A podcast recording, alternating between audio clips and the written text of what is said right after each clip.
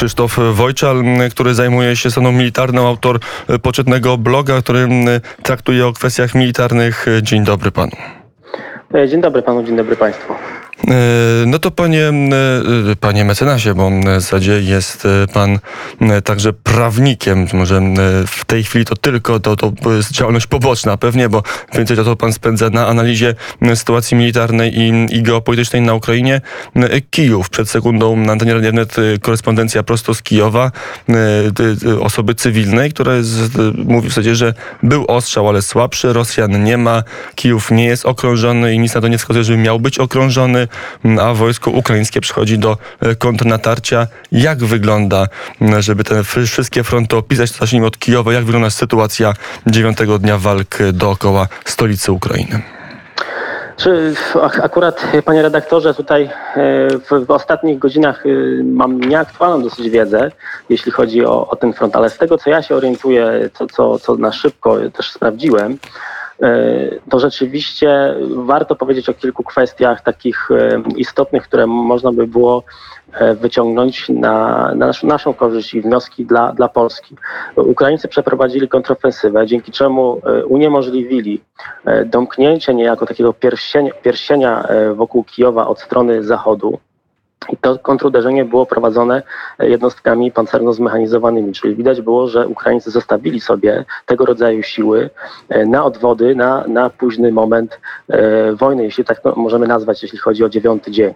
E, jednocześnie wyprowadzili, wyprowadzili w kierunku wschodniego rosyjskiego zagonu również kontrofensywę, powstrzymując tamtejsze wojska pod podejściem od wschodu z kolei pod Kijów. Jednocześnie przy Czernichowie wciąż e, broni się e, pierwsza brygada e, ukraińska pancerna, która naprawdę dużą, tutaj pod dużym naciskiem jest z trzech stron. I jakie my możemy wnioski już na samej tej podstawie wyciągnąć? Przede wszystkim bardzo ważne jest skoordynowanie działań tak zarówno lekkich jednostek, jak i jednostek e, cięższych, czyli pancerno zmechanizowanych, które ze sobą e, współpracują, ponieważ na, na wschodzie, na wschodzie kraju Ukrainy, od strony, z kierunku od strony Kurska i Orła, tam była prowadzona e, obrona w taki sposób, e, że rozstawiono lekką piechotę e, w miejscowościach kluczowych, takich jak Głuchów czy jak Konotop, natomiast nie można było rozstawić wojsk no, takich głównych zawodowych pancerno zmechanizowanych, ponieważ groziło okrążenie. Dlatego Ukraińcy wycofali się właśnie tymi siłami, wydaje się, że po, po, aż pod Kijów, by mieć możliwość i swobodę manewru i wyprowadzania kontrnatarć, które teraz są w tej chwili wyprowadzane. Natomiast pozostali postawili e, niejako takie działania opóźniające. E, tak w Głuchowie e, była lekka piechota, która dokonała w pierwszych dniach, miała kilka sukcesów, zniszczyła kilka wozów, natomiast to pokazuje, że Rosjanie swoim zagonem od wschodu bardzo szybko przeszli bardzo dużą przestrzeń, to jest kilkaset kilometrów, bardzo łatwo okrążyli Głuchów i Konotop, e, przejęli te miasta, w zasadzie z marszu można powiedzieć e, i e, no jakby bez wsparcia sił głównych, ciężkich, niestety ta lekka obrona nie miała szans długo wytrzymać.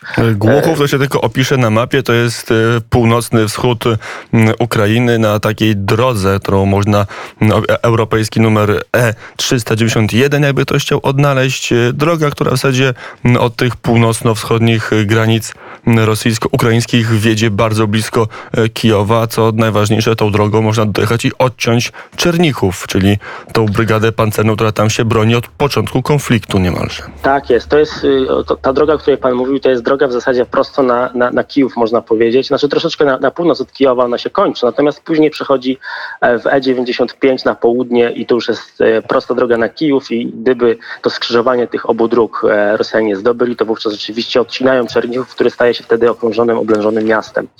E, także e, na tej drodze właśnie S101 w miejscowości, koło miejscowości Baturyn Ukraińcy wysadzili mosty, zresztą nie tylko tam, przez, w tamtym miejscu akurat przez rzekę Sejm, co spowolniło znacznie pochód rosyjsko, rosyjskich sił pancerno zmechanizowanych, ponieważ te siły musiały oczywiście stawiać przeprawy przez, przez rzekę. Także to pozwoliło zaczerpnąć oddech. Oczywiście Ukraińcy mogli rozpoznać ten kierunek ataku i przygotować się właśnie do wyprowadzenia kontrofensywy, która, która wczoraj rzeczywiście w tamtym kierunku ruszyła. E, to warto może przejdźmy również... do wniosków w tym momencie, bo to warto powiedzieć przy okazji tego opisu tylko fragmentu frontu. Sam północny wschód tego frontu na północ, na wschód od, od Kijowa, że, że to, co dość powszechnie się mówi, że to jest wojna, która pokazuje przydatność lekkiej piechoty nasyconej silnie bronią, nowoczesną bronią przeciw, przeciwpancerną, że to się nie okazuje do końca prawdą, że na froncie tak naprawdę najlepiej sprawdza się albo kombinacja lekkiej piechoty i brygad cięższych, także pancernych, albo, albo same te ostatnie stanowią najistotniejszą siłę na polu walki. E, I w zasadzie to, co Pan powiedział, jest prawdą, i to będzie widać też na, na kolejnych odcinkach, które, które mam nadzieję zdążymy omówić, ponieważ tu na północy, jeszcze od strony Czarnobyla, na północ od Kijowa, jest bardzo trudny teren i tam rzeczywiście działały jednostki lekkie, tak po stronie ukraińskiej, jak i po stronie e, rosyjskiej. Natomiast pod Czernichów podeszły już pancerno zmechanizowane jednostki. Czernichowa e, broniła, broni, tak jak już mówiłem, pierwsza brygada e, pancerno, pancerna ukraińska.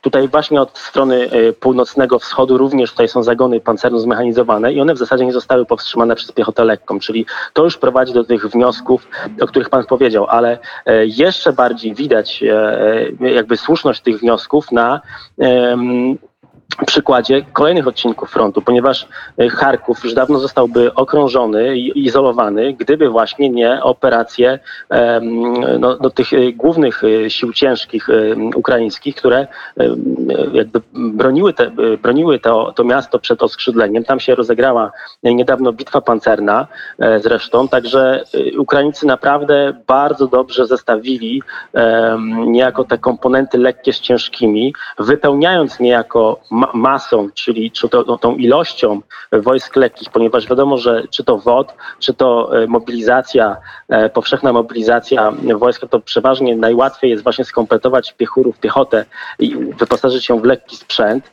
e, no ale oni nie mają szans z żołnierzami, którzy są wyposażeni w ciężki, wysoce specjalistyczny sprzęt służący do niszczenia ruchów oporów w konkretnych warunkach. Czy to, czy to mówię o artylerii, czy to mówię mówię o siłach pancernych, które przełamują, e, przełamują obronę najlepiej właśnie w, na odcinkach otwartych w, w polu, że tak powiem.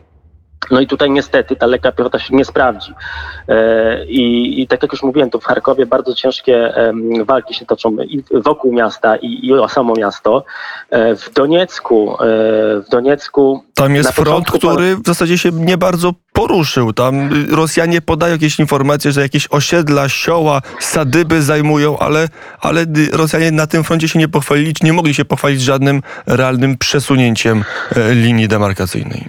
Tak, oczywiście, panie redaktorze, z tego względu, że e, to miał e, ten front, ja to też w zasadzie scenariusz, który opisałem miesiąc temu w swoim artykule, jeśli chodzi o założenia taktyczne, sprawdza się w 90%. I tak jak to założyłem wcześniej, front doniecki był takim frontem mylącym, to znaczy tutaj mm, Ukraińcy mieli rozstawić jak największe siły, natomiast te siły nie miały być atakowane przez Rosjan frontalnie, ponieważ prowadziłoby to do dużych strat. Ukraińcy są naprawdę dobrze zorganizowani na tym odcinku, ponieważ toczą tam wojnę e, od 8 lat, od 2014 roku. Także Rosjanie wcale nie chcieli bić głową w mur, postawili tutaj na, na taką wojnę pozycyjną, na tym akurat fragmencie e, i, i co, co, co, należy zauważyć, że w pierwszym dniu wojny tu pierwsze rozegra, rozegrały się strzały, tu były prowokacje, jakby Rosjanie próbowali ściągnąć całą uwagę właśnie na Donieck po to, by wyprowadzić decydujące uderzenia w innych miejscach. E, no i teraz, jak widzimy, e, to założenie się sprawdzi, e, poniekąd sprawdziło. Jednocześnie nadal w Doniecku stacjonują e, siły pancerno-zmechanizowane rosyjskie po to, e, by czekać na moment, w którym Ukraińcy będą się musieli wycofać, e, ponieważ może taki moment przyjść, w którym jeśli się Ukraińcy nie wycofają z Doniecka, wówczas zostaną okrążeni.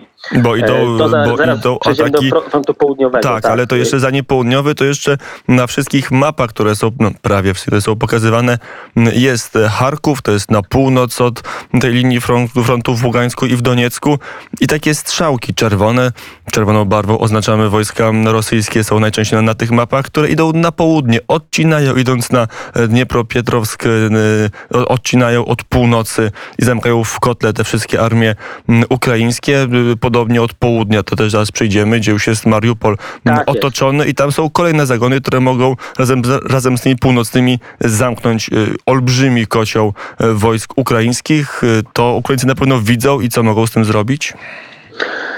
W mojej ocenie e, sytuacja tam jest bardzo trudna, również z uwagi na decyzje polityczne, ponieważ e, Ukraińcy wiedzą, że jeśli, i dlatego się bronili od samych granic, dlatego bronili Charkowa, e, ponieważ wiedzą, że jeśli się wycofają i jeśli Rosjanie zajmą te terytorium, e, to wówczas nawet e, po wojnie, powiedzmy, nazwijmy to zwycięskiej Ukrainy, czyli Ukraina się obroni, no ale oczywiście nie będzie miała siły, żeby odbijać zajętych wcześniej przez Rosjan terytoriów, no ale obroni Kijów, powiedzmy, i, i zostanie zawarty pokój, to nawet w takim korzystnym scenariuszu dla Ukraińców, zajęte przez terytoria przez Rosjan, Rosjanie będą chcieli po, pozostawić w swoich rękach i prawdopodobnie e, tak by się stało. Dlatego Ukraińcy walczą o każdy metr swojej ziemi, e, właśnie za wyjątkiem tego frontu północno-wschodniego, o którym mówiliśmy wcześniej, bo tam po prostu się nie dało, e, nie dało jakby zawiesić obrony na, na, na żadnej przeszkodzie takiej terytorialnej.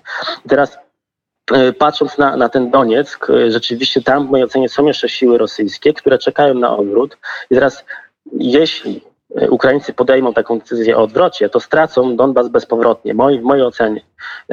Z drugiej strony, jeśli się nie ruszą, no to tak jak redaktor słusznie zauważył, grozi im okrążenie i zniszczenie.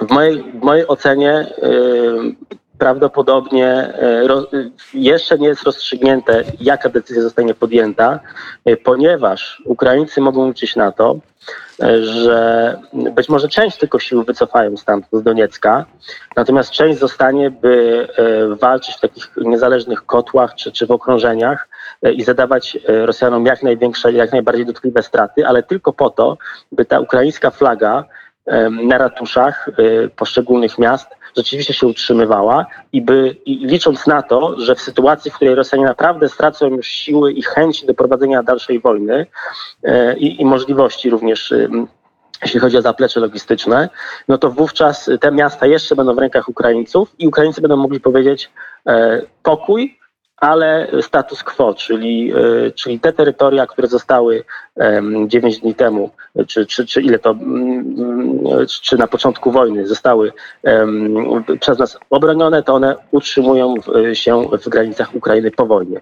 Także o to się toczy stawka, o to się toczy gra i, i dla- dlatego jeszcze w tej chwili Ukraińcy się nie wycofują, a trzeba pamiętać, że jeśli zdecydują się wycofać, to właśnie y, rosyjskie wojska w Doniecku czekają tylko na ten moment, ponieważ będą mogły ruszyć i uderzyć na nieprzygotowane, wycofujące się wojska em, ukraińskie, co może doprowadzić naprawdę do katastrofy na drogach e, podczas wycofywania się i do zniszczenia tych wojsk. Także nawet z punktu widzenia czysto militarnego może się okazać, e, że mm, lepiej będzie jednak pozostać na miejscu, na pozycjach i trzymać je e, jak najdłużej się da. E, Bo do tego jeszcze Rosja ma cały czas mm, e, panowanie w powietrzu, chociaż niepełno. I to też jest bardzo e, zadziwiające. W dziewiątym dniu m, walki Rosja pierwszego dnia mówiła, że uzyskała pełną supremację m, w przestworzach, a to dziewiątego dnia okazuje się być dalej nieprawdą. Też zanim do konkretnych i, i, i ostatecznych konkluzji tej akurat naszej rozmowy, to sam front południowy on się z Krymu rozlał w dwóch kierunkach, a znaczy w trzech. Jeden na Mariupol, żeby go otoczyć, drugi na północ. To zajęcie Melitopolu, a potem podejście pod e, Zaporoże i zajęcie w dniu dzisiejszym e, w godzinach porannych tamtejszej elektrowni. No i dalej na zachód to jest trzeci kierunek uderzenia, zajęcie Hersonia, czyli w zasadzie jedynego miasta obwodowego, które do tej pory udało się zająć Rosjanom i potem próba podejścia do Odessy. Na samym zachodzie, to może od tego zacznijmy, zanim do Zaporoża, to tutaj wydaje się, że ofensywa jakby stanęła. Na antenie Radia Wnet y, niecałą godzinę, ponad godzinę temu, przepraszam, był, była korespondencja z Odessy. Tam Rosjan nie widać, nie słychać ostrzału, nie ma desantu z morza, z, z, z morza nie ma. Wszystko się dzieje jeszcze daleko od Odessy, jakby ta ofensywa ugrzęzła. To znaczy, no, Odessy Rosjanie nie będą atakować, póki nie zabezpieczą sobie lądowego przejścia do niej, czyli nie zdobędą Mikołajowa albo go po prostu nie obejdą e, naokoło. Także nie spodziewałbym się tak ryzykownego kroku, no aczkolwiek Rosjanie już pokazali w tej wojnie, że na takie ryzykowne kroki, e, które później kosztują e, dużo sprzętu i życia ludzkiego, rzeczywiście się decydują, ponieważ ten desant ze śmigłowców w, w pierwszym dniu e, wojny e, na lotnisko w Hostomelu no, był kompletnie e, no, taki nie, nieprzemyślany, moim zdaniem bardzo ryzykowny, no i się oczywiście nie powiódł. E, Także tutaj jeśli chodzi o Odessę, nie spodziewałbym się w tej chwili, być może lada moment, gdyby, się, e, gdyby Rosjanom się otworzyła droga lądowa na Odessę, to wówczas zdecydowaliby się na atak z, na to miasto z, z wielu różnych kierunków, w tym z kierunku morskiego. Natomiast e, front południowy e, no, w sposób dobitny pokazuje, e, jak ważne są właśnie wojska e, pancerno zmechanizowane na współczesnym polu bitwy, ponieważ tam w zasadzie e, to, to, są, to są płaszczyzny, pola i, i, i miasta, które i tylko w miastach tak naprawdę jest w stanie funkcjonować ym, lekka piechota. Także tam i po stronie ukraińskiej, i po stronie rosyjskiej starcia są rozstrzygane y, przez siły pancerno zmechanizowane. Rosjanom udało się właśnie zająć bardzo szybko, stosunkowo szybko, bardzo kluczowy Melitopol, dzięki czemu otworzyli sobie później właśnie e, drogę na północ w kierunku Zaporoża, pod które podchodzą, jak również e, na Berdiańsk, który właśnie zajęli również od strony morza,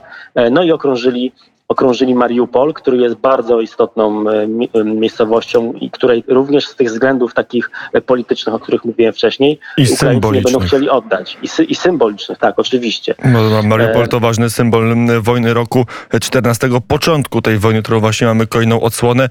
Musimy powoli konkludować. To ta konkluzja będzie pytaniem o siły rosyjskie, bo dzisiaj sztab ukraiński podał, że Rosjanie ściągają kolejne posiłki z okręgu południowego i daleko wschodniego, że jakby rezerwy się wyczerpały, że Rosja to, co zgromadziła, te 150, może więcej tysięcy żołnierzy plus sprzęt, którym to wojsko operowało, już się zużył, że trzeba do kontynuowania operacji ściągać nowe, świeże e, siły. To prawda? Tak jest, że Ukrai- że Rosjanie już zmarnowali te, czy, czy już wprowadzili do wojny całą tą armię i teraz muszą pośpiesznie dodatkowe siły gromadzić?